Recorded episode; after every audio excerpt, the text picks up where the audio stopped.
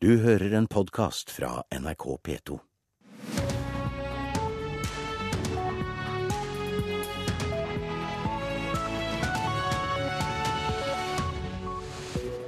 Velkommen til Nyhetsmorgen denne første dagen i desember. Dette er hovedsakene våre den neste halvtimen. Ordkrigen mellom Russland og Tyrkia fortsetter. Det ble ikke noe møte mellom presidentene for de to landene i går. I dag er det verdens aids-dag, og det å leve med hiv-smitte kan være vanskelig for mange, men for innvandrere så kan det være ekstra krevende. Kommunene i Sør-Trøndelag er det fylket som har best kulturtilbud til innbyggerne. Østfold ligger på jumboplass. Det ble altså ikke noe av møtet mellom presidentene fra Russland og Tyrkia under klimatoppmøtet i Paris i går. Russland fortsetter sine kraftige angrep på Tyrkia etter nedskytingen av det russiske jagerflyet i forrige uke, og Vladimir Putin har gjentatt beskyldningene mot Tyrkia om at landet kjøper olje fra områder kontrollert av terrorgruppen IS i Tyrkia. Korrespondent Morten Jentoft i Moskva, det ser ikke ut til at noen av partene her er villige til å gå i dialog. Nei, det gjør det absolutt ikke. og det ble jo en merkelig seanse i går ettermiddag kveld i, i, utenfor Paris, på uh, Le Bourget flyplassen der, um, der Vladimir Putin nektet å være med på dette uh, fellesbildet som man skulle ta av verdens ledere som var der for å uh, forsøke å løse verdens klimaproblemer. og Han sa at han ikke kunne være til stede der av tekniske årsaker, men grunnen var jo selvfølgelig at han ikke ønsket å møte ansikt til ansikt den tyrkiske pre presidenten Tajib Erdogan. Så eh, fra russisk side så Eh, fortsetter man altså en tøff linje her. Og det ser jo heller ikke ut til at tyrkerne er eh, villige til å komme dem noe som helst i møte. Og som du sa, eh, Vladimir Putin han har gjentatt det som man har sagt tidligere, som har blitt en slags russisk versjon her. At angrepene i dette grenseområdet mot Tyrkia i Syria, de skjer fordi at man vil stoppe da denne eksporten av olje som man mener da kommer ifra eh, områder kontrollert av den islamske staten, og eh, som gjør at den islamske staten får da tilførsel av, av penger. Og Dette blir jo da helt avvist fra tyrkisk hold. Og så fortsetter russiske myndigheter med nye tiltak rettet mot tyrkiske interesser i Russland. Ja, eh, i, går kom jo da mer konkret av disse tiltakene som nå eh, er rettet direkte direkte mot den tyrkiske eh, importen til Russland, altså eksporten fra Tyrkia til Russland av eh, grønnsaker og frukt. Det er en betydelig eh, eksport som foregår den veien. Og statsminister Dmitrij Medvedev han sier at man også kan komme opp med ytterligere tiltak her. I tillegg så har vi hørt at man har innført visumplikter for tyrkiske borgere til, eh, til, Russland. Det vil jo også selvfølgelig skape problemer, bl.a. for den omfattende entreprenørvirksomheten som tyrkiske firmaer driver her i Russland. Og Så kommer det da med sånne symbolstiltak, f.eks. at man nå eh, har, stengt eh, tyrkiske, den tyrkiske avdelingen på biblioteket på utenlandsk litteratur her i Moskva. Eh, så det er en rekke også symboltiltak da, som viser at man eh, på russisk side overhodet ikke er innstilt på noen forsoning foreløpig med Tyrkia. Men nå overleverte jo Tyrkia i går den russiske døde flygeren til Russland. Blir ikke dette sett på som positivt? Jo, Det blir jo sett på som, eh, som, som, positivt, og det har jo fått relativt stor oppmerksomhet i pressen her også. Det at dette skjedde på uh, høytidelig vis da med uh, tyrkisk æresvakt til stede da i Ankara før han, denne Oleg Peshkov da ble fløyet hit til Moskva sent i går kveld. Uh, han skal jo begraves i hjembyen Lipetsk på, på, onsdag. sånn at det er jo et lite positivt tegn her. Så får vi se da hvor lenge da man fortsetter fortsetter da med denne tøffe linjen fra russisk side overfor eh, for Tyrkia. Om partene etter hvert da finner ut at kanskje det kan være lurt å, å roe ned denne situasjonen noe. Takk skal du ha, korrespondent Morten Jentoft i Moskva. Det å leve med hiv-smitte er vanskelig for mange, men for innvandrere så kan det være ekstra krevende, mener flere fagfolk. Fordommer og uvitenhet om sykdommen er ofte stor, og en som holder smitten hemmelig for de rundt seg, er en 37 år gammel kvinne fra Afrika. Det var ikke så lett. Den følelsen hvor man føler at eh, etter det så kommer du til å miste det hele og bli avvist. Det er det som gjør at jeg ikke fortalte det eller at jeg ikke har fortalt dem ennå. Hun flyktet alene med sitt lille barn fra en brutal borgerkrig i Afrika. 37-åringen har opplevd grusomme ting som har smittet henne med hiv, noe hun fikk påvist i en rutinesjekk ved ankomst til Norge i 2006. Så var jeg helt alene, så jeg hadde ingen som jeg kunne snakke med. Og i og med at jeg kommer fra et sted hvor det er veldig mye stigma rundt hiv, så var det veldig vanskelig å kunne snakke med noen som snakka mitt språk. Så jeg, jeg snakka ikke med noen om det i ca. fem år. Så jeg, jeg bare holdt hemmeligheten alene i alle de år. Mange av de som har hiv i Norge, er innvandrere. Det var ved utgangen av 2014 totalt 5600 personer som er smittet av hiv. Av disse var om lag halvparten flyktninger og innvandrere. Overlege ved Oslo universitetssykehus, Frank Ola Pettersen, sier denne gruppen har ekstra store utfordringer. Det er jo en språklig barriere. De trenger tolk. De må ha en tolk de stoler på. At de ikke forteller om dem i sitt miljø. Og så er det kulturelle forskjeller, eh, som gjør at de kan jo ha en annen forståelse av det å være syk og hva slags behandling man skal ha for en sykdom. Og så kan de ha med seg traumer som gjør at de har andre problemer som er, eh, synes viktigere for dem, nesten. Med moderne medisiner er det mulig å leve et normalt liv med hiv. Ifølge leder i Hiv Norge, Leif Ove Hansen, er fordommer en stor belastning. Hiv generelt er en stigmatisert sykdom, eh, så jeg vil tro at hvis du eh, tar Eh, en innvandringsbefolkning under ett, så tror jeg det nok er mer ukunnskap kanskje om hiv, og, at det er skumlere. Men det her er noen ting som er generelt i hele befolkninga. For 37-åringen fra Afrika ble møtet i samtalegrupper i frivillige organisasjoner redningen. Det var veldig godt eh, for å kunne bare si det til noen for første gang. Det var en helt annen opplevelse. Hun tror det er mange som sliter med ensomhet. Og jeg har jo møtt mange andre som eh, var litt sånn redd første gang når de skulle treffe noen andre. Men etter hvert så blir de, de, de sa jo det samme, at det var veldig deilig å kunne endelig få måte andre å snakke med dem. Reporter var Lise Merete Olaussen skal vi se hva avisen er opptatt av i dag. 45 barn i Norge lever med hiv, det skriver Aftenposten. Fordommer og uvitenhet gjør at eksperter anbefaler familiene å holde sykdommen skjult. Avisen har snakket med én av dem, en gutt som går på en barneskole et sted på Østlandet. Noen ganger er det dumt at vennene mine ikke vet at jeg tar piller, sier gutten. Avslører ukjent giftdrama, det er overskriften i VG. Norske og danske skip fikk i oppdrag å hente ut 1300 tonn av Bashar al-Assads kjemiske våpen fra Syria i fjor. Det norske skipet ble beskutt. Det var kjemikalielekkasjer om bord, og situasjonen var så alvorlig at både utenriksministeren og forsvarsministeren fikk daglige oppdateringer om situasjonen, ifølge avisen. Ikke siden 1990-tallet har vi hatt så mange arbeidsløse her i landet, forteller Dagsavisen. 127 000 er nå helt uten arbeid, ifølge Statistisk sentralbyrå. Robotene kommer, det er overskriften i Klassekampen. Norsk industri står foran en fjerde industriell revolusjon, som innebærer at annenhver arbeidsplass i industrien kan bli borte, ifølge avisen. Administrerende direktør Anita Krohn Traaseth mener det foregår en svertekampanje mot Innovasjon Norge. Hun mener interne krefter har sørget for en rekke negative medieoppslag, og at de er ute etter både henne og andre nøkkelpersoner i selskapet, skriver Dagens Næringsliv. Nasjonen forteller at alvorlig syke pasienter får en reisevei på flere timer ved nedleggelsen av akuttkirurgi ved fem lokale sykehus. Må vi godta flere dødsfall, spør Bjørn Bremer i Sykehusalliansen i Narvik-regionen. Religion må ikke forvises til sidelinjen, det sier filosof Henrik Syse til Vårt Land.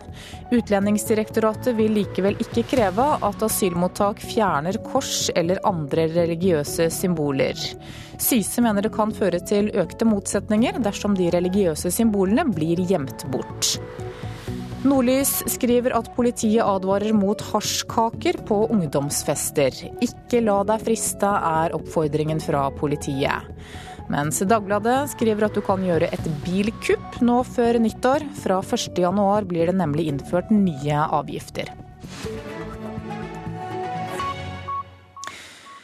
Det nærmer seg jul, og vi er inne i en tid der mange bruker mer tid på selskaper og store middager enn ellers i året. Tre av ti foreldre sier at de har drukket seg beruset sammen med barna sine. Det kommer frem i en undersøkelse som Alcovet-organisasjonen av og til har fått eh, utført. Daglig leder Kari Randen, god morgen. God morgen. Du, hvorfor er dette så farlig?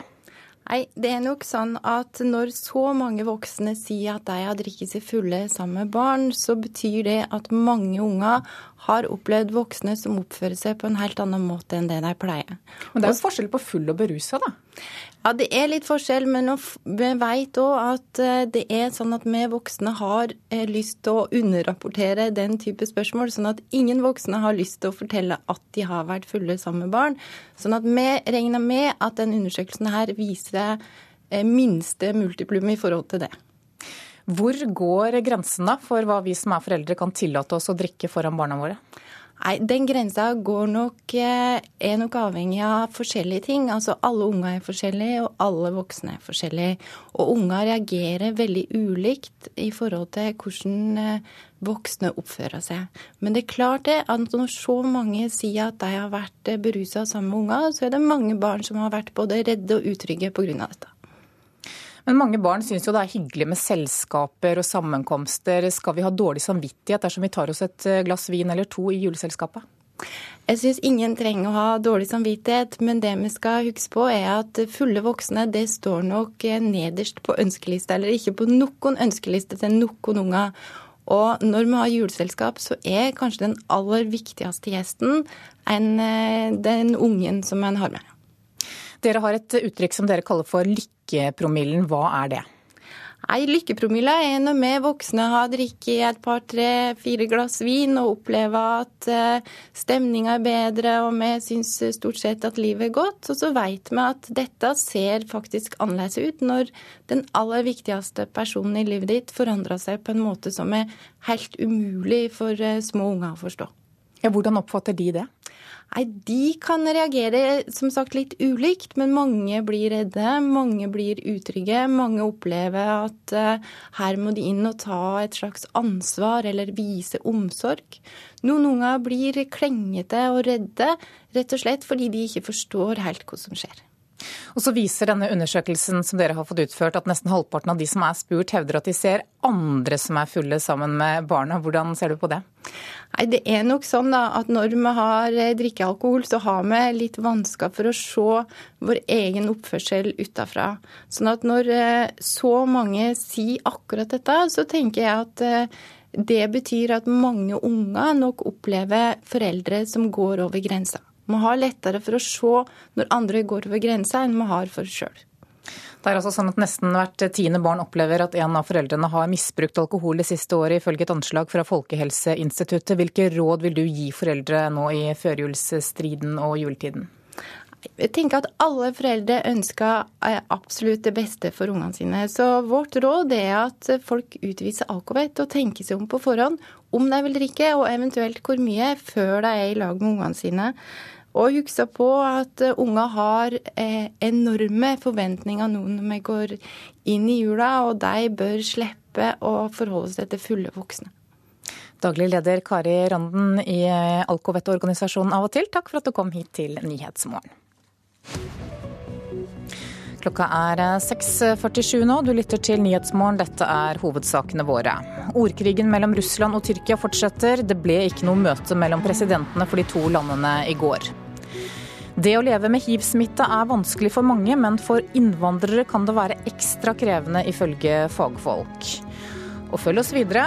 Kommunene i Sør-Trøndelag er de som, er, som gir et best kulturtilbud til innbyggerne sine, mens Østfold ligger på jumboplass. Da skal vi ha fotball. Skotske Billy McKinley ble i går presentert som ny hovedtrener i Stabæk. 46-åringen har en lang spillerkarriere bak seg i England, og nylig var han også assistenttrener for David Moyes. Sportssjef Inge André Olsen mener Stabæk har ansatt en tøffing. Vi får en som er opptatt av å utvikle unge spillere, eh, spille en possession-orientert eh, fotball, og som er hands on ut på feltet hver eneste dag, og som utfordrer spillerne våre. Han er en tøffing? Definitivt. Billy McKinley beskriver seg selv som trener slik.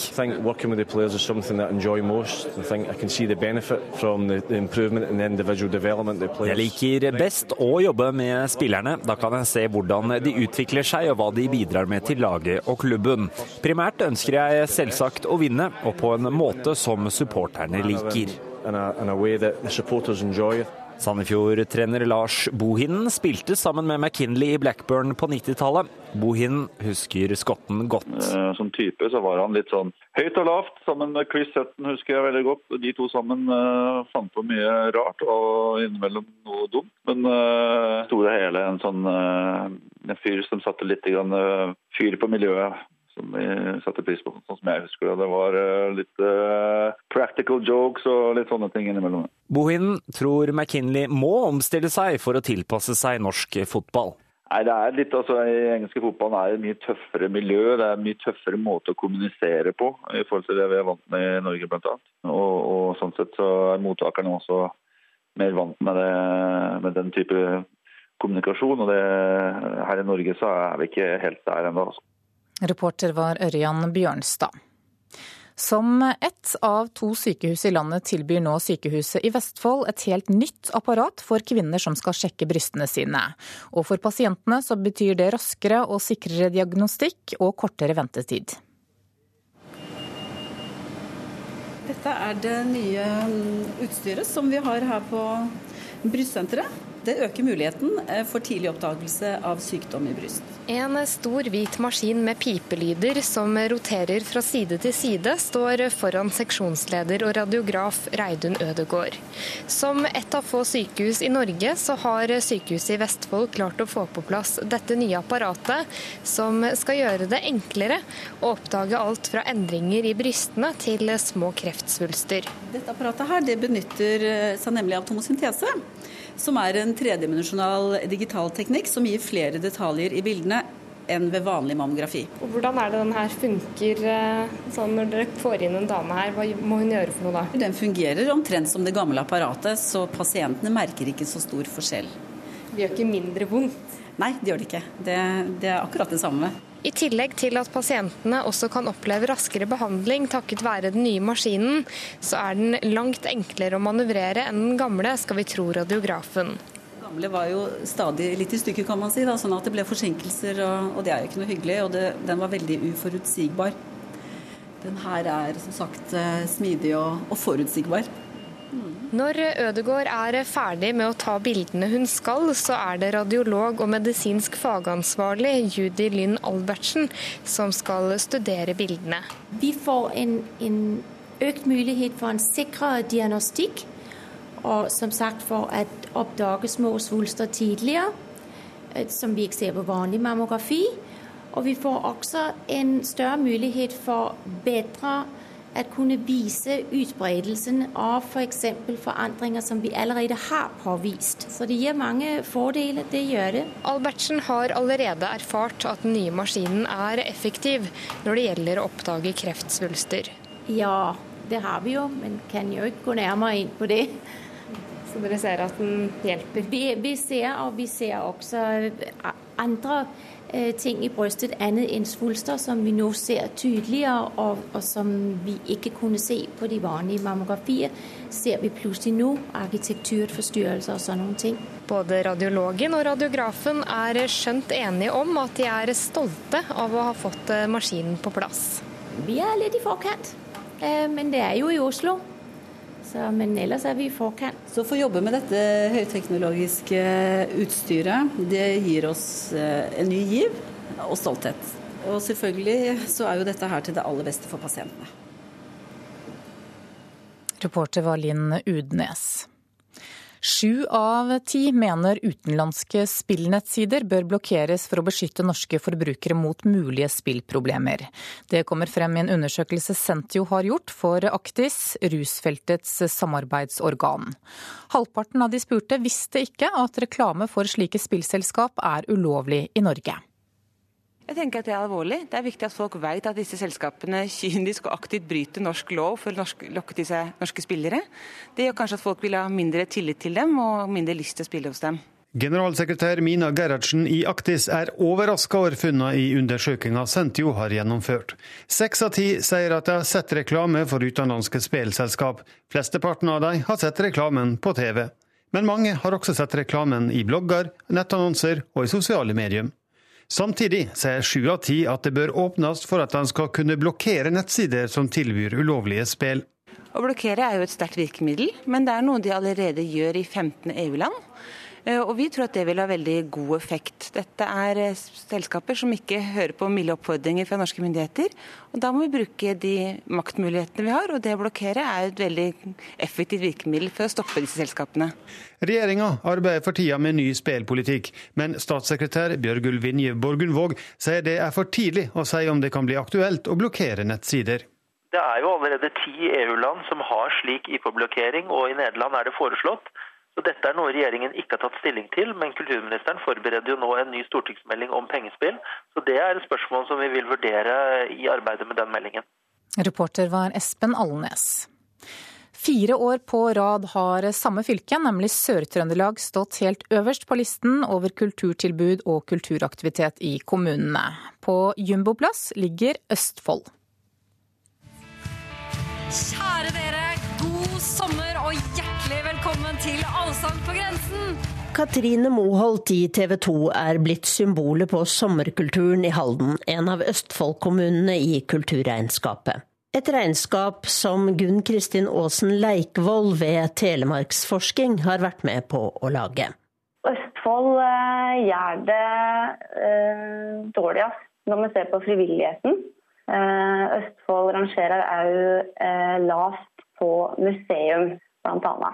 Men jevnt over havner eh, langt ned da, i de fleste kategoriene som er målet på. I dette fylket ligger Halden, der debatten går friskt rundt kommunens bruk av kulturpengene. Halden skal bruke opp mot tre millioner kroner hvert år på TV 2-showet. Samtidig kuttes kulturtilbudet for barn og unge med 300 000 kroner neste år, og tilskuddet til lag og foreninger med nesten én million.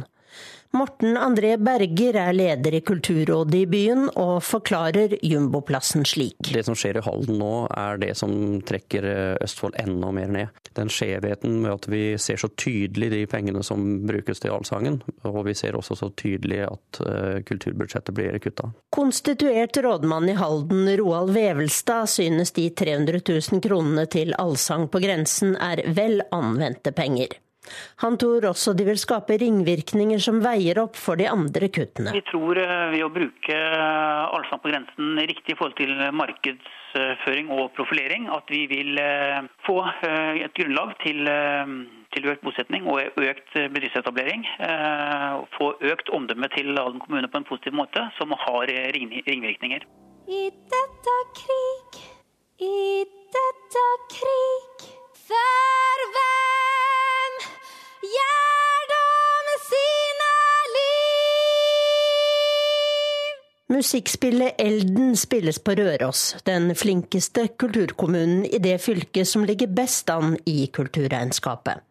For helt i den andre enden av skalaen finner vi Sør-Trøndelag, forteller Gunn Kristin Aasen Leikvoll. Vi ser at Sør-Trøndelag bl.a. gjør det veldig godt på kino, Men her er jo et veldig godt tilbud og aktivitet eh, på bibliotek, området, eh, innenfor museum eh, og konserter bl.a. Det sa forsker Gunn Kristin Aasen Leikvoll i Telemarksforsking, og reporter det var Tone Staude. Da skal vi se hva slags eh, vær vi kan vente oss frem til midnatt. Fjell i Sør-Norge, nordvestlig kuling utsatte steder, snøbyger, oppholdsvær først i sør. Østlandet vestlig liten kuling utsatte steder, spredte snøbyger lengst i vest og nord, ellers opphold og lange perioder med sol.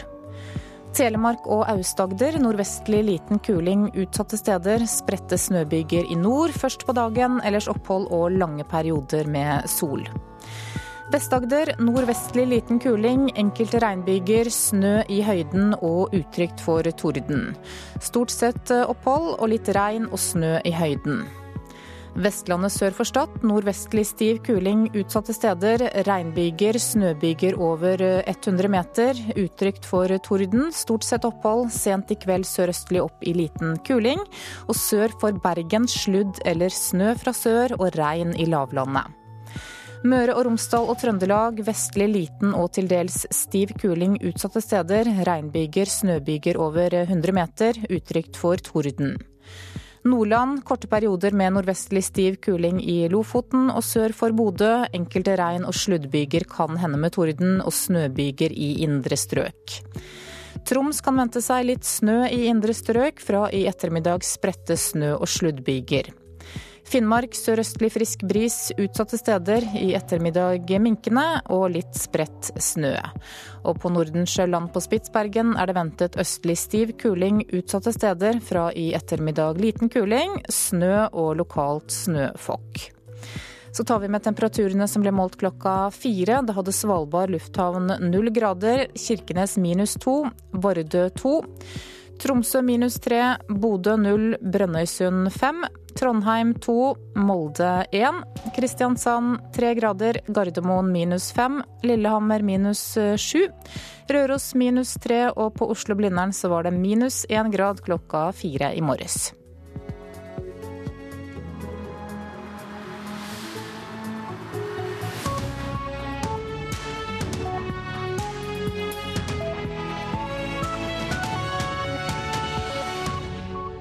Du hører en podkast fra NRK P2. Klokka er 7.03. Nyhetsmorgen fortsetter med disse sakene. Det var altså dramatiske situasjoner om bord i det norske skipet som fraktet kjemiske stridsmidler fra Syria. Situasjonen var så alvorlig at utenriksministeren og forsvarsministeren her hjemme fikk daglige oppdateringer, ifølge VG. Over 140 000 mennesker i Europa fikk i fjor beskjed om at de er smittet av hiv. Det er det høyeste tallet noensinne. Og bygg og anlegg er en av de minst attraktive studieretningene i Norge. Det norske skipet Taiko som fraktet kjemiske stridsmidler ut av Syria i fjor, ble utsatt for rakettangrep ved kai i Syria. Det er VG som i dag forteller historien om dramatikk som oppsto under den internasjonale marineoperasjonen for utskipping av kjemiske våpen fra Syria i 2013 og i fjor. Kommandørkaptein Per Rostad, du er styrkesjef for det norske bidraget. God morgen. Riktig god morgen. Du, hva var det som skjedde? Det var når vi lå til kai med Taiko og Helge Ingstad som voktet på utsiden av kaien der, så var det flere tilfeller hvor det var rakettnedslag i havnebyen Latakia. Og i varierende grad nært på eller litt lenger unna der hvor Taiko lå nede i havneområdet. Og det skjedde mens vi lasta kjemiske våpen. Ja, hvordan opplevde dere det? Ja, så Den perioden jeg var sjef der nede, så, så var disse nedslagene kanskje litt, litt rundt omkring i byen. i ja, tilstrekkelig avstand fra Taiko til at det ikke ble oppfatta som en direkte akutt trussel. Men for den besetningen som var nede etter jeg var ferdig, så var nok granatnedslagene relativt mye tettere på, og, og kanskje også noe, eller helt sikkert mye farligere også. Ja, Hva kunne skjedd da om det norske skipet hadde blitt truffet? Altså hvis eh, Det vi var bekymret for, var om noen av disse containerne med kjemiske våpen skulle bli truffet. Eh, skipet i seg selv var kanskje mindre viktig i den sammenhengen. Men det sier seg selv at hvis en container med full av stridsgasser ble truffet av en granat, så kunne det fort blitt veldig eh, alvorlig. Ja, hvilke vurderinger ble gjort da, da dere var i den situasjonen og opplevde at, uh, at dere ble skutt? Altså De gangene når jeg hadde Taiko med inn til Syria og, vi, og det var granatnedslag, så vurderte jeg at uh, disse nedslagene er såpass langt unna at det er ikke noe akutt fare. Det kunne selvfølgelig skjedd at en tilfeldig granat hadde landet i havneområdet, men uh, jobben måtte nå likevel gjøres. Fordi besetningene som var der etter meg, så kan ikke jeg svare på de vurderingene de gjorde, men de fikk i hvert fall ut alle de kjemiske våpnene de skulle, de også. Det var også en del lekkasjer om bord. Hva kan du si om det? Det er nok riktig som det står beskrevet i VG i dag, at det var en del av disse containerne med stridsmidler som ikke var pakket bra nok. Og at det følgelig ble fordampning av kjemikalier. og at man måtte da gjøre et stykke arbeid for å pakke om dette, for å få det forsvarlig, sånn at det ikke skulle utgjøre fare for liv og helse. Ja, Hva var det som lakk ut? Ja, Nå er jeg ikke jeg kjemiker, så jeg kan ikke svare i detalj på det. Men, men det var jo mange forskjellige typer stridsgasser. Og en hvilken som helst lekkasje fra disse gassene vil jo representere en fare for liv og helse hvis man får dette enten på kroppen eller puster det inn. Ja, hvordan opplevde de som var om bord akkurat det? Jeg tror at de tok det veldig profesjonelt. Dette er fagfolk, spesialister på området, som har gode målemekanismer og måleutstyr, og som har gode beskyttelsessystemer. Så for de tror jeg det var mer en teknisk utfordring for å få stanset lekkasjene og få pakket om disse kjemiske våpnene på en sånn måte at det hele ble gjort forsvarlig. Og En natt så opplevde dere også at to fiskebåter satte kursen mot skipet uten tegn til å stanse. Hva var det som skjedde? Nei, altså Vi hadde en, et overvåkningssystem som gjorde at vi kunne detektere fartøyer som gikk ut fra Syria ganske tidlig. Og En natt så ble det detektert to fartøyer som kjørte i formasjon ut fra den syriske kysten, og som hadde kurs rett ut mot Taiko. Uh, uansett hva vi gjorde, så fikk vi ikke disse fartøyene til å endre kurs. Uh, og når de da kom veldig nært, og vi signaliserte med lysraketter, uh, lyskastere osv., og, så videre, og kalte de på nødsambandet, så valgte de fortsatt å opprettholde kurs rett mot Taiko. Da la jeg fregatten Ingstad mellom disse fartøyene og Taiko, og, å beskytte Taiko. Og på et stadium så både ildgivning med sjokkgranater i håp om at vi kunne bruke ikke-dødelige våpen for å få de til å endre kurs. Etter tre byger med sjokkgranater så endret de omsider kurs. Og Det var veldig bra, for da hadde jeg egentlig bestemt meg for å engasjere dem med skarpe våpen. Men det slapp de heldigvis å gjøre, og det er jeg selvfølgelig veldig glad for. I etterkant, når vi fikk kontakt med dem på sambandet, så, så begynte de å spille av jihad kampsanger over nødnettet. Betyr det at uh, mange av de som har vært om bord, har vært redde? Nei, jeg tror ikke de var redde. Dette er profesjonelle folk som er veldig gode og dyktige i jobbene sine. Uh, de er godt trent og drilla, så jeg tror ikke man var redde. Men at det klart er en litt forhøyet spenning rundt det hele, det er det nok. I hvilken grad ble norske myndigheter informert om det som skjedde? Jeg rapporterte alt som skjedde via den norske kommandokjeden, så uh, alle hjemme i Norge ble holdt godt orientert. Hvordan vil du oppsummere dette oppdraget, da? Jeg vil si at Det er det mest meningsfylte militære oppdraget jeg noensinne har vært med på. og Jeg har vært med på ganske mange, og jeg er utrolig glad for at jeg fikk anledningen til å være med i det oppdraget som norsk styrkesjef. Ja, utrolig glad for det. Selv om det var mye dramatikk underveis? Ja.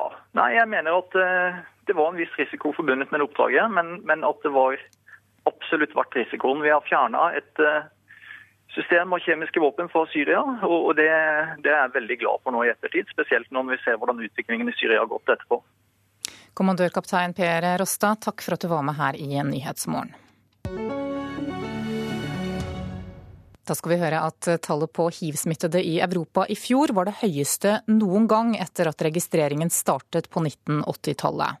I løpet av fjoråret så fikk 142 000 mennesker beskjed om at de har fått viruset.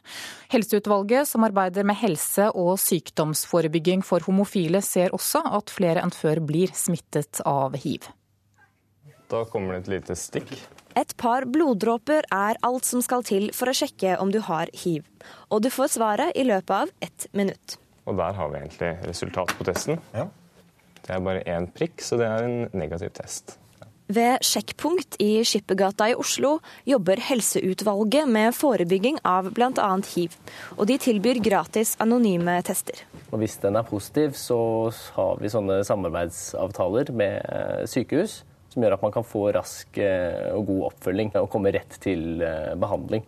Det sier Aksel Overskott, som er kommunikasjonsrådgiver i Helseutvalget.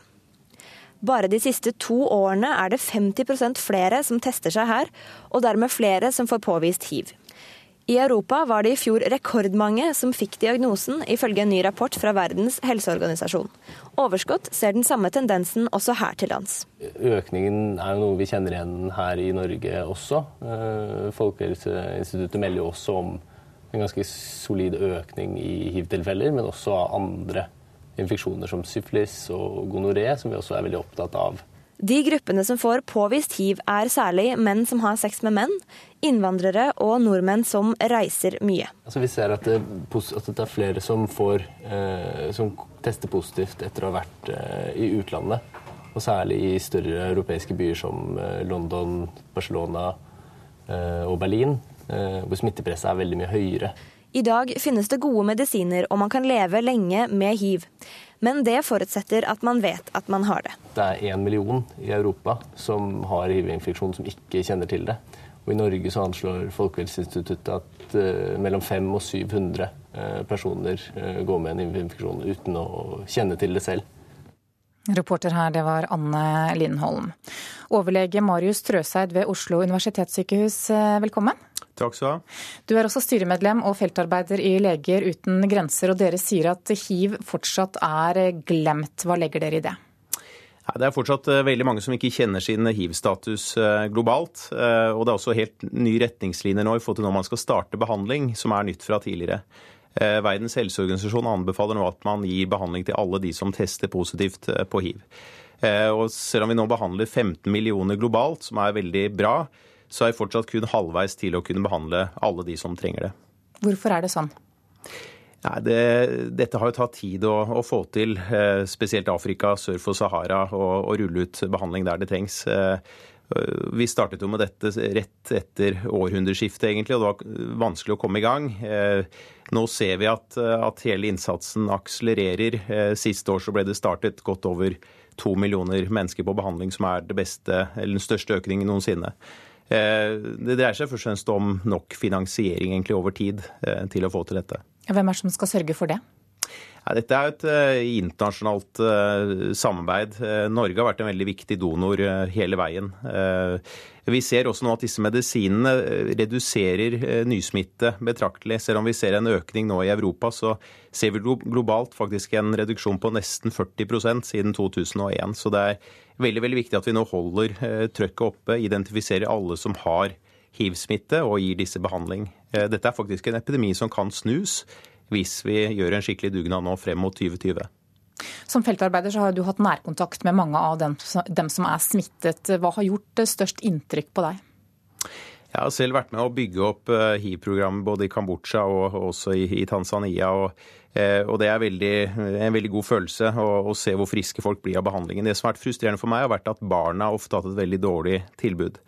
Eh, hiv-medisiner er eh, lite utviklet eh, til barn. Det fødes nesten ikke hiv-positive barn i vår del av verden. Og de medisinene som finnes, de må ofte lagres i kjøleskap, og de smaker dårlig.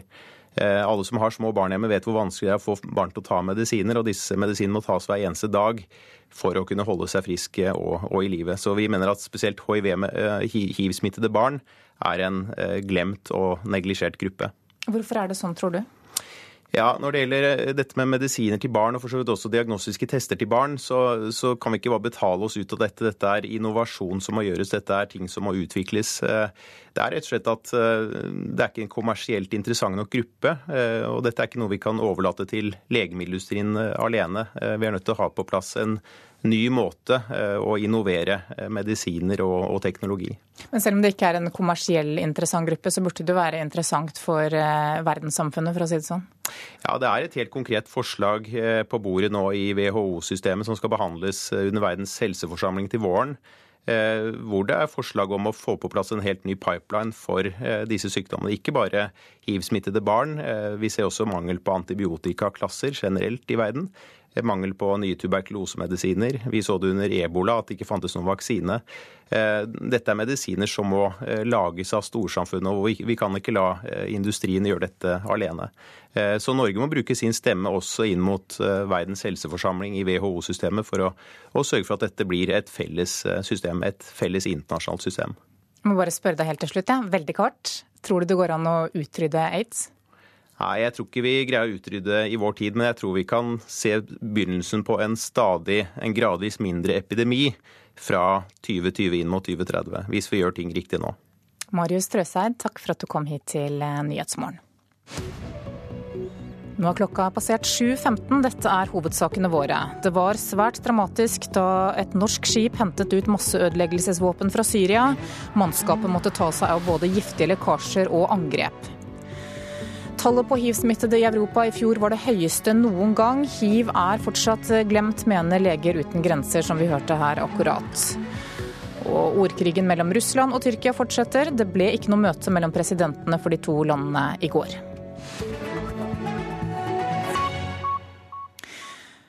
Nå skal det handle om noe helt annet, nemlig bygg og anlegg, som er en av de minst attraktive studieretningene her i landet. De siste 15 årene så har antall søkere sunket med over 20% og flere linjer er lagt ned.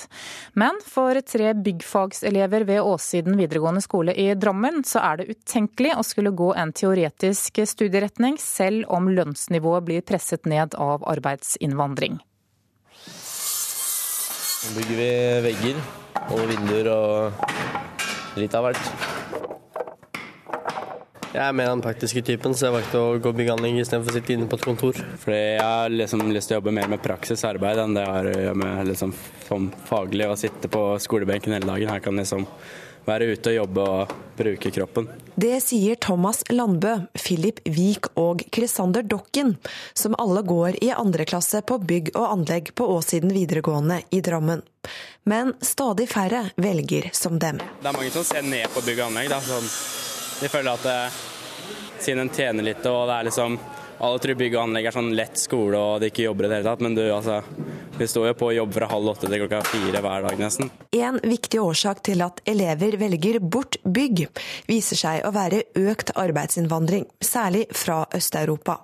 Som Klassekampen skrev mandag, slår en studie fra Institutt for samfunnsforskning fast at lave søkertall har en klar sammenheng med arbeidsinnvandrere som presser ned lønnsnivået. Men jeg har opplevd at eh, noen av de større filmene som leier inn eh, egne folk, de, eller leier inn fra utleiebyrå, de leier inn polske og litauiske gutter. Og når vi da har gutter ute og, og prøver seg ute, så møter de da mange, altså opptil 10-15-20 polske gutter rundt dem, og så er de helt alene. Og det syns de ikke er noe trivelig, så de kommer tilbake igjen. Og det er ikke bra for bransjen. Det sier Jan Paulsen, som er faglærer i bygg og anlegg på Åsiden videregående. Han mener bedriftene må ta noe av ansvaret for utviklinga.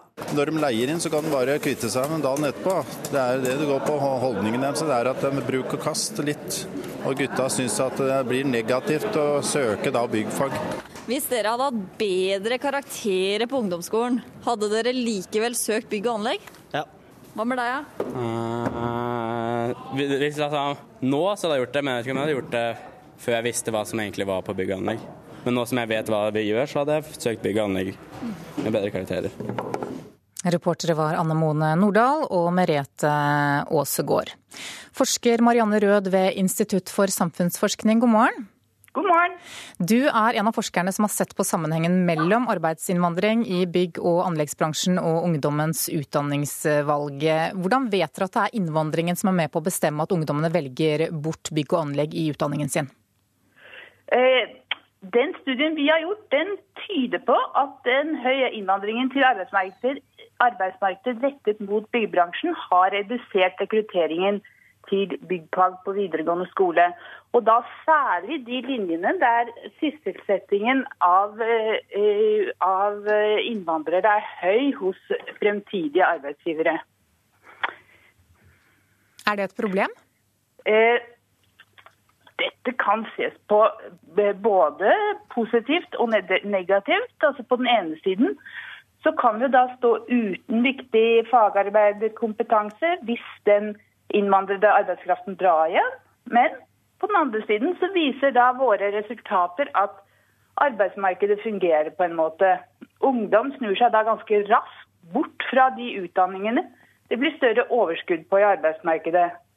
Og våre resultater tyder jo da også på at hvis det blir større knapphet på ulike typer byggfagskompetanse, så vil ungdom reagere ganske raskt med å prioritere opp de aktuelle utdanningene. Hva med tilgangen til... Da gjelder det jo for så vidt at utdanningskapasiteten fortsatt er der, da. Eller kan bygges ganske raskt opp igjen. Men du, hva med tilgangen til lærlingplasser, hvor mye har det å si?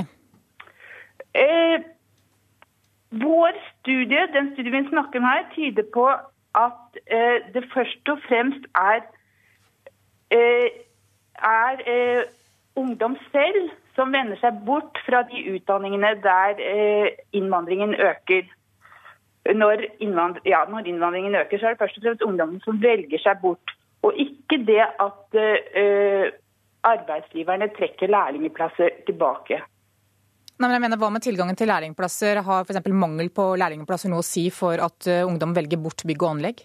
Nei, vår studie tyder på at det faktisk er elevene selv som velger seg bort fra de utdanningene hvor uh, innvandringen til fremtidige arbeidsmarkeder øker. Og ikke at, at, at arbeidsgiverne altså da, da, trekker bort eh, lærlingplasser fra disse områdene. Hva velger disse elevene i stedet, da? Ja, det vet vi jo, vet vi jo for så vidt ikke. Men de, de, vi ser jo at de begynner på andre linjer innenfor videregående opplæring. da. Hva har karakterene til elevene å si for valget av studieløp i, i denne sammenhengen? Vi hørte jo litt om det i reportasjen her. Ja, Det vi ser i vår studie, er at det er de med de beste karakterene fra ungdomsskolen som først forsvinner fra byggfag når eh, innvandringen til arbeidsmarkedet øker. Og Det er derfor vi konkluderer med at denne sammenhengen først og fremst er et resultat av at det er elevene som velger seg bort. Hvis det hadde vært arbeidsgiverne som valgte bort elevene, da er det mer naturlig å tro at det var først og fremst var de med de dårligste karakterene som ble skjøvet ut først. Forsker Marianne Rød ved Institutt for samfunnsforskning, takk for at du var med her i Nyhetsmorgen.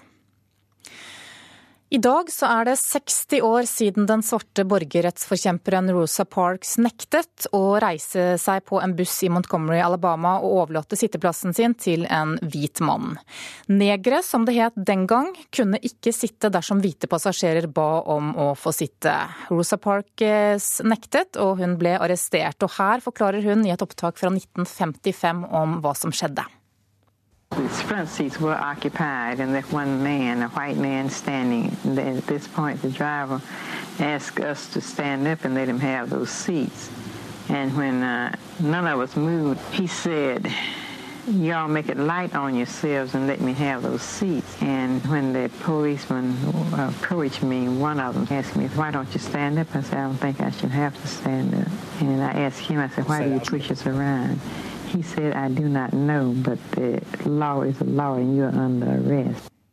Tidligere USA-korrespondent Joar Hoel Larsen, hvorfor var dette så viktig? Ja, det var på mange måter en tilfeldighet at det var akkurat Rosa Parks som nettopp på denne dagen eh, nektet.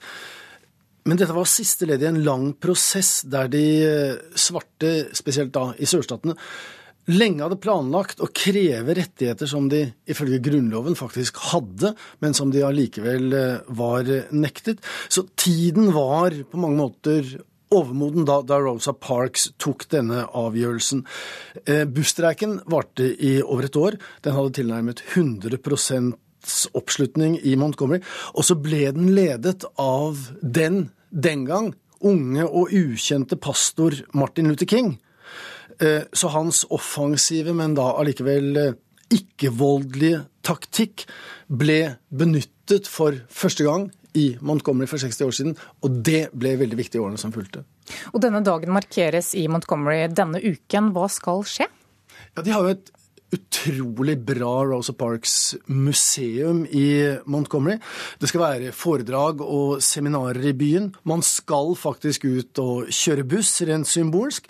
De svarte skal formodentlig da få lov til å sitte hvor som helst i bussen. Det kommer et nytt minnesmerke der, og det er en bevisstgjøring eh, av fortiden. Eh, og ikke minst så er det viktig at amerikanerne ikke skal glemme du, veldig kort til slutt, Hvor viktig er denne begivenheten i dag? Rosa Parks er en søyle i amerikansk samtidshistorie. Hillary Clinton kommer dit. Det betyr selvfølgelig altså at det er viktig. Og så er det det på bakgrunn av alle disse skyteepisodene eh, der hvite politifolk har skutt unge, svarte gutter, og alle mørketallene og alt bak det. Det gjør at det er ikke bare en minnemerke, men det er også en aktualitet. Joar Ho Larsen, takk skal du ha. I Stavanger så har leieprisene sunket med opptil 40% Det er nå fire ganger så mange boliger til leie som da markedet var på det heteste. Og mange leietakere reforhandler nå leieavtalene sine. Eh, I april og mai 2012 så var det 187 boliger på finn.no.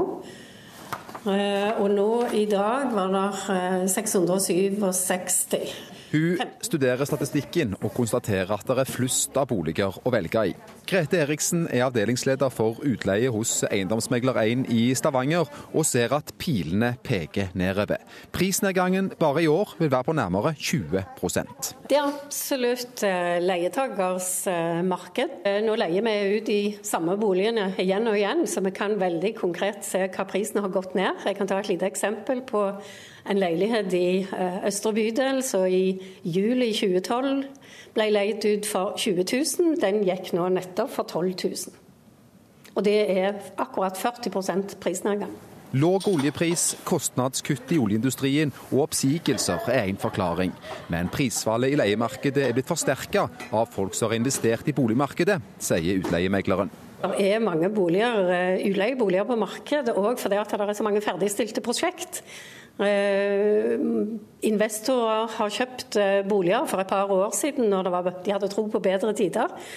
Eh, de er nå klar for å leies ut. I tillegg så har byggefirmaene noen usolgte leiligheter og eneboliger, rekkehus, så de trenger å få folk inn i, så de ikke står tomme.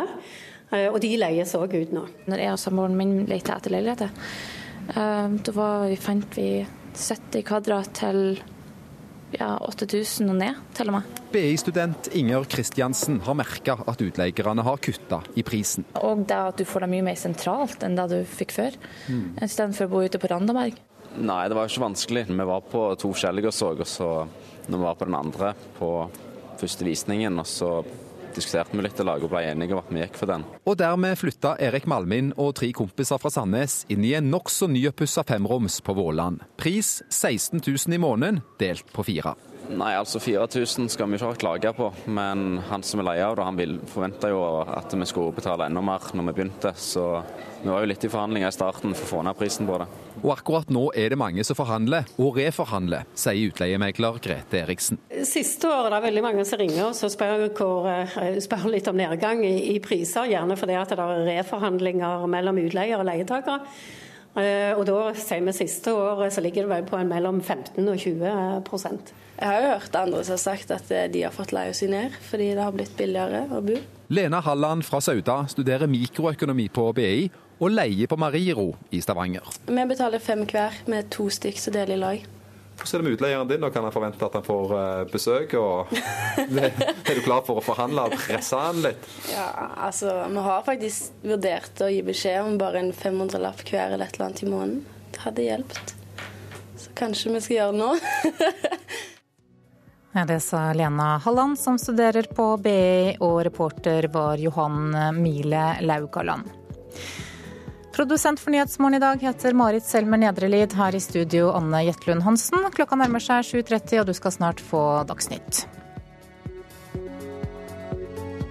Du hører en podkast fra NRK P2.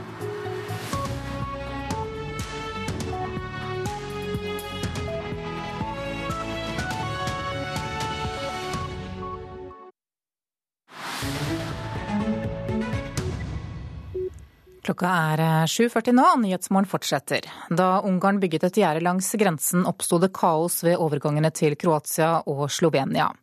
Men nå gjør busser og tog livet lettere for flyktningene. Reporter Roger Severin Bruland rapporterer fra en rasteplass i Serbia. Det er smekkfullt på bussen. Varmt og fuktig. Ungene er i ferd med å bli utålmodige. De har venta lenge på denne rasteplassen i Serbia. Utenfor er det bitende kaldt. Frivillige organisasjoner er på plass for å tilby hjelp. Leger uten grenser har klinikk, og nå har de kjøpt norske plasthaller for å huse de reisende om vinteren, forteller prosjektlederen. It's not a permanent shelter, it's not to install a camp, it's really to cover the needs in case that too many people are coming at the same time and they cannot move. 5000-7000 mennesker stopper her hver dag, men nå minker det, forteller hun. Uh, Årsaka til dette er at den slovenske regjeringa har beslutta å nekte å ta imot det de kaller økonomiske migranter. De lar bare personer fra Syria, Irak og Afghanistan slippe gjennom. Dette har forplanta seg sør til grensa mellom Makedonia og Hellas. Der står det nå tusenvis av mennesker fast. For de som slipper gjennom, er reisa nå organisert med buss og tog.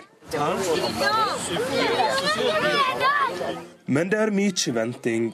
Først her på grensa til Kroatia. Så er det venting i Slavonski Brod, en by i Kroatia på grensa til Bosnia. Så går ferda med tog til Dobova i Slovenia. Her var det kaotisk for en måned siden. Folk vassa over bekkefar i gjørma. Det var enorme folkemengder. Nå har slovenerne rulla ut piggtråd og laga et to meter høyt gjerde av såkalla barb wire.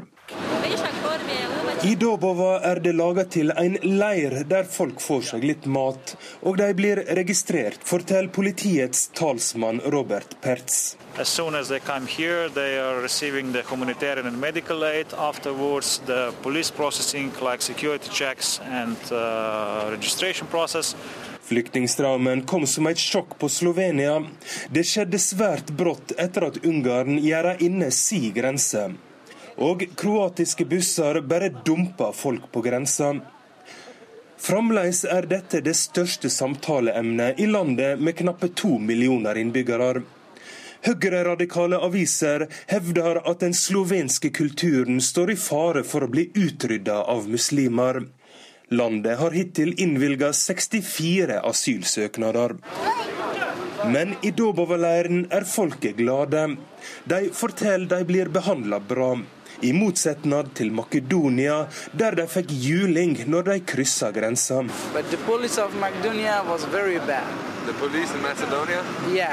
I Slovenia blir flyktningstraumen splitta opp i tre retninger. Den største passeringa inn til Austerrike er likevel fremdeles Sentil. Her var det inntil nylig kaos. Nå har det blitt en ryddig leir. Og dette viser at flyktningstrømmen nå har blitt et velsmurt maskineri, med busser, tog og overnatting. Folk blir fremdeles sjekka både i Salzburg, München og Berlin. Men fra Sentil er det maks to dagers reise til hvor som helst i Schengen-området. Det sa reporter Roger Severin Bruland. Klokka er 7.44 nå, dette er hovedsakene våre. Det norske skipet som hentet ut masseødeleggelsesvåpen fra Syria, måtte håndtere både angrep og en rekke giftige lekkasjer. Over 140 000 mennesker i Europa fikk i fjor beskjed om at de er smittet av hiv. Det er det høyeste tallet noensinne. Og bygg og anlegg er en av de minst attraktive studieretningene i Norge. De siste 15 årene har antall søkere sunket med over 20% Vi skal straks få Politisk kvarter her i Nyhetsmorgen, og programleder i dag, det er Astrid Randen.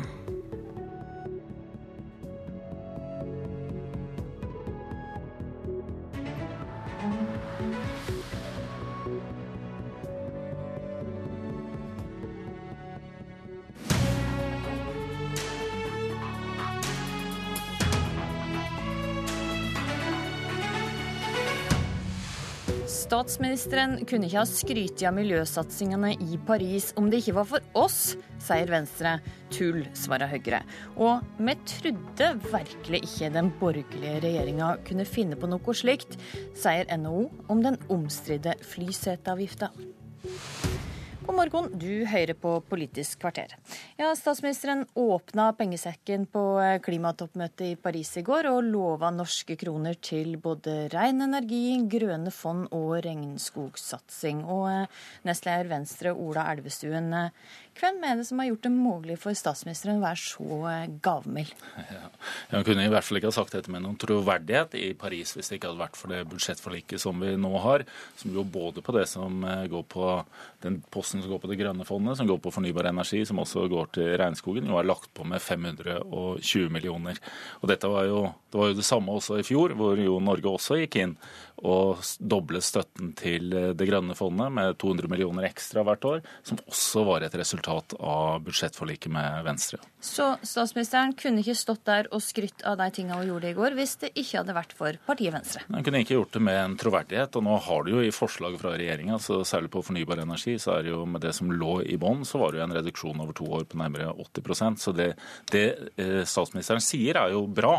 Men det krever jo da en politisk endring fram mot eh, neste år og fram mot 2020 for å følge opp eh, dette. Så langt så er det budsjettforlikene som først og fremst har gjort dette mulig.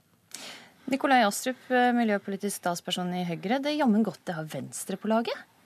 Vi har et veldig godt samarbeid med Venstre, og jeg syns det er hyggelig at vi har Venstre med på laget. Eh, men de tingene som Erna Solberg lovet i Paris, de vil jo eh, det meste av det først ha budsjettvirkning etter 2016-budsjettet, som jo er det budsjettet Ola Elvestuen snakker om. Det så det ville fått, med, fått til dette her hvis ikke Venstre hadde vært med også? Ja, det ville vi. Eh, men det betyr ikke at det ikke er hyggelig å samarbeide med Venstre, og at ikke vi ikke får til ting på miljøområdet sammen. Men det er klart, regnskogsatsingen som eh, Erna Solberg snakket om eh, i Paris, hvor vi skal utvide samarbeidet med Colombia og Peru, det kommer ikke til utbetaling i 2016.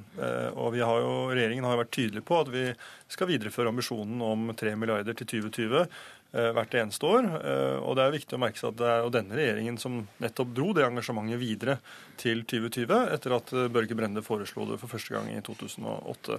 Astrup har vel et poeng her, at disse utbetalingene skal ikke skje på neste års budsjett? Men det som er viktig her, er jo da at det krever også en ganske kraftig politikkendring. For da må du faktisk begynne også i de forslagene som regjeringen legger fram. Så da blir jo forventningen at når du kommer da fram mot 2017-budsjettet, så må det da faktisk være en dobling inn mot det som er fornybarsatsing. Det er det ingen tegn på det man har gjort så langt, som viser. Eh, og så må du jo da også ha en økning inn mot eh, det grønne fondet. Eh, men så ligger jo en uklarhet også i det, i det Erna Solberg sier. For hun sier at det er forutsetning for å øke inn da, og det er FNs grønne fond vi snakker om, som er finansiering av miljøtiltak i fattige land, at det ligger en forutsetning om at det er skogmidlene og skogpenger som skal kunne også aksepteres inn i dette grønne fondet.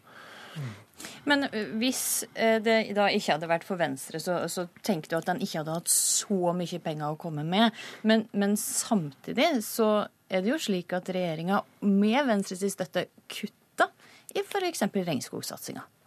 Her sånn med det forliket vi har, nå, jo, nå, er vi i en spesiell situasjon med mange flyktninger som kommer til landet, og Venstre erkjenner også det.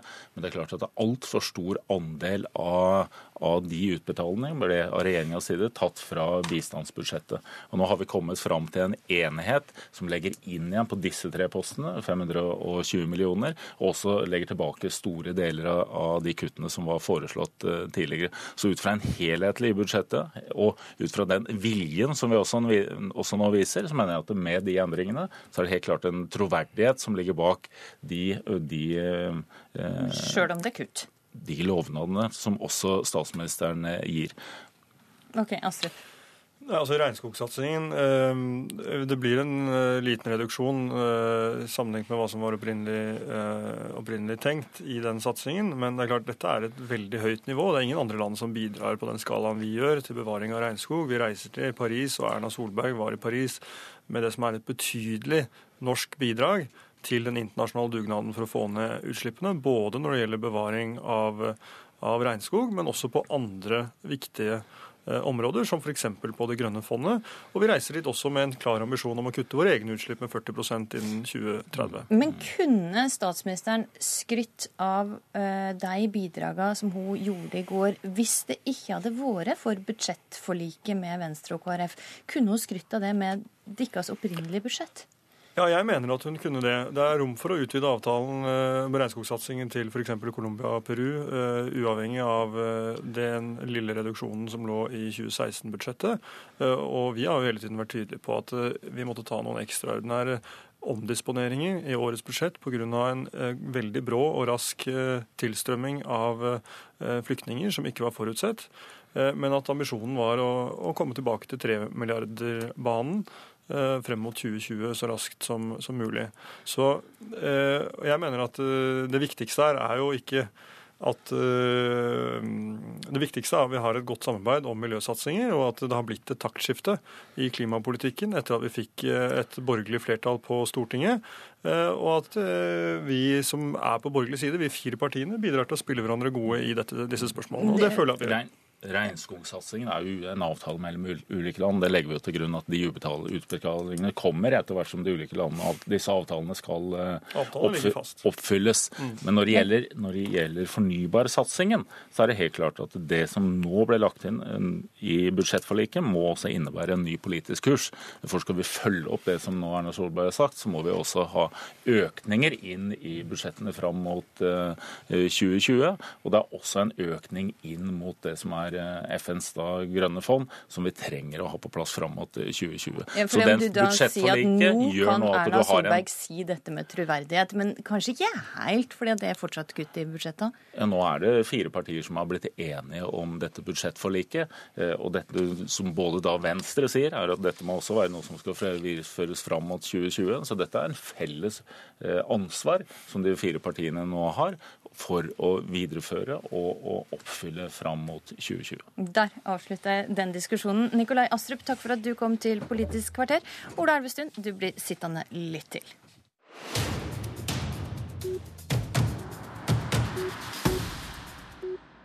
Fra 1.4 neste år skal regjeringa etter planen innføre ei ny avgift på flybilletter. 88 kroner ekstra per tur. Torbjørn Lote, administrerende direktør i NHO Luftfart. Hva blir konsekvensene av denne avgifta? Her har jo et knippe politikere med sykkelavstand til Stortinget bestemt at man skal innføre en skatt på 2 milliarder kroner som betyr at man vender ryggen til Nord-Norge. Man vender ryggen til Nordvestlandet og til Kyst-Norge, som står overfor store omstillinger i norsk eh, næringsliv. Verftsindustri, olje- og gassindustri osv. Folk flest som reiser mye med fly, spesielt i Distrikts-Norge, får en regning og får et svekka transporttilbud eh, som går ut over stort sett de fleste som bor i landet vårt. Mm. Hadde du trodd dette om ei borgerlig regjering? og med et avgiftsletteparti som Frp, som en av Nei, jeg hadde egentlig ikke min villeste fantasi trodd noe sånt. Høyre og Fremskrittspartiet er jo blitt partiet for fremme av skatter og avgifter på, på luftfartsområdet. Det, det er gale Mathias, spesielt fordi man er inne i et klimakvotesystem. Man har lagt et tak på utslipp på luftfartsområdet. Så i den grad vi gjennomfører særtiltak i Norge, så flytter vi bare kvotene over til våre konkurrenter i Europa, som kan slippe ut mer til en billigere pris. Det er en ren målbopolitikk. Det gir ingen miljøeffekt. Det sier alle fagfolk. Det sier til og med regjeringa sjøl i sitt budsjettfremlegg. De sier det helt tydelig. Det samme sier Klimakur 2020. Det er ikke noe effekt av den type særtiltak i Norge. Hmm. Det var ingen fra Samferdselsdepartementet og eh, ingen fra Frp på Stortinget som eh, ville svare noe på denne kritikken. Verken i Dagsrevyen i går eller ville stille her i dag. Ola Elvestuen i Venstre, det er visst du som tar ansvar for denne avgifta? Ja, nå har vi fire partier som står bak, som står bak eh, budsjettavtalen.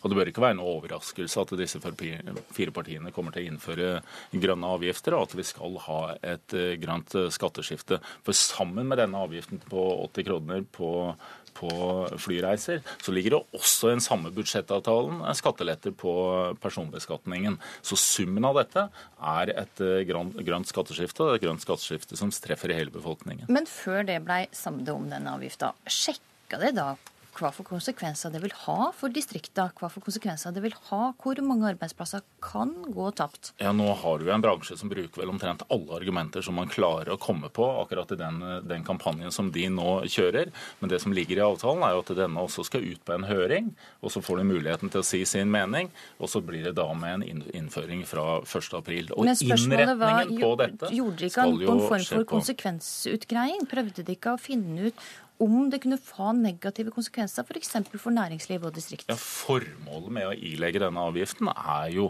at folk og bedrifter skal tenke seg om en gang til eh, for å fly. Dette er riktignok en mindre avgift, jeg tror den kan ha liten betydning på selve eh, flyprisen, men at både enkeltpersoner og bedrifter skal se på om de har mulighet for å fly mindre. Det er jo selve hensikten med, med avgiften, nettopp for at vi skal også få ned utslippene. Og den argumentet som brukes her også i forhold til dette Lov til ha- på det. ikke har det. noen klimaeffekt, det er direkte feil.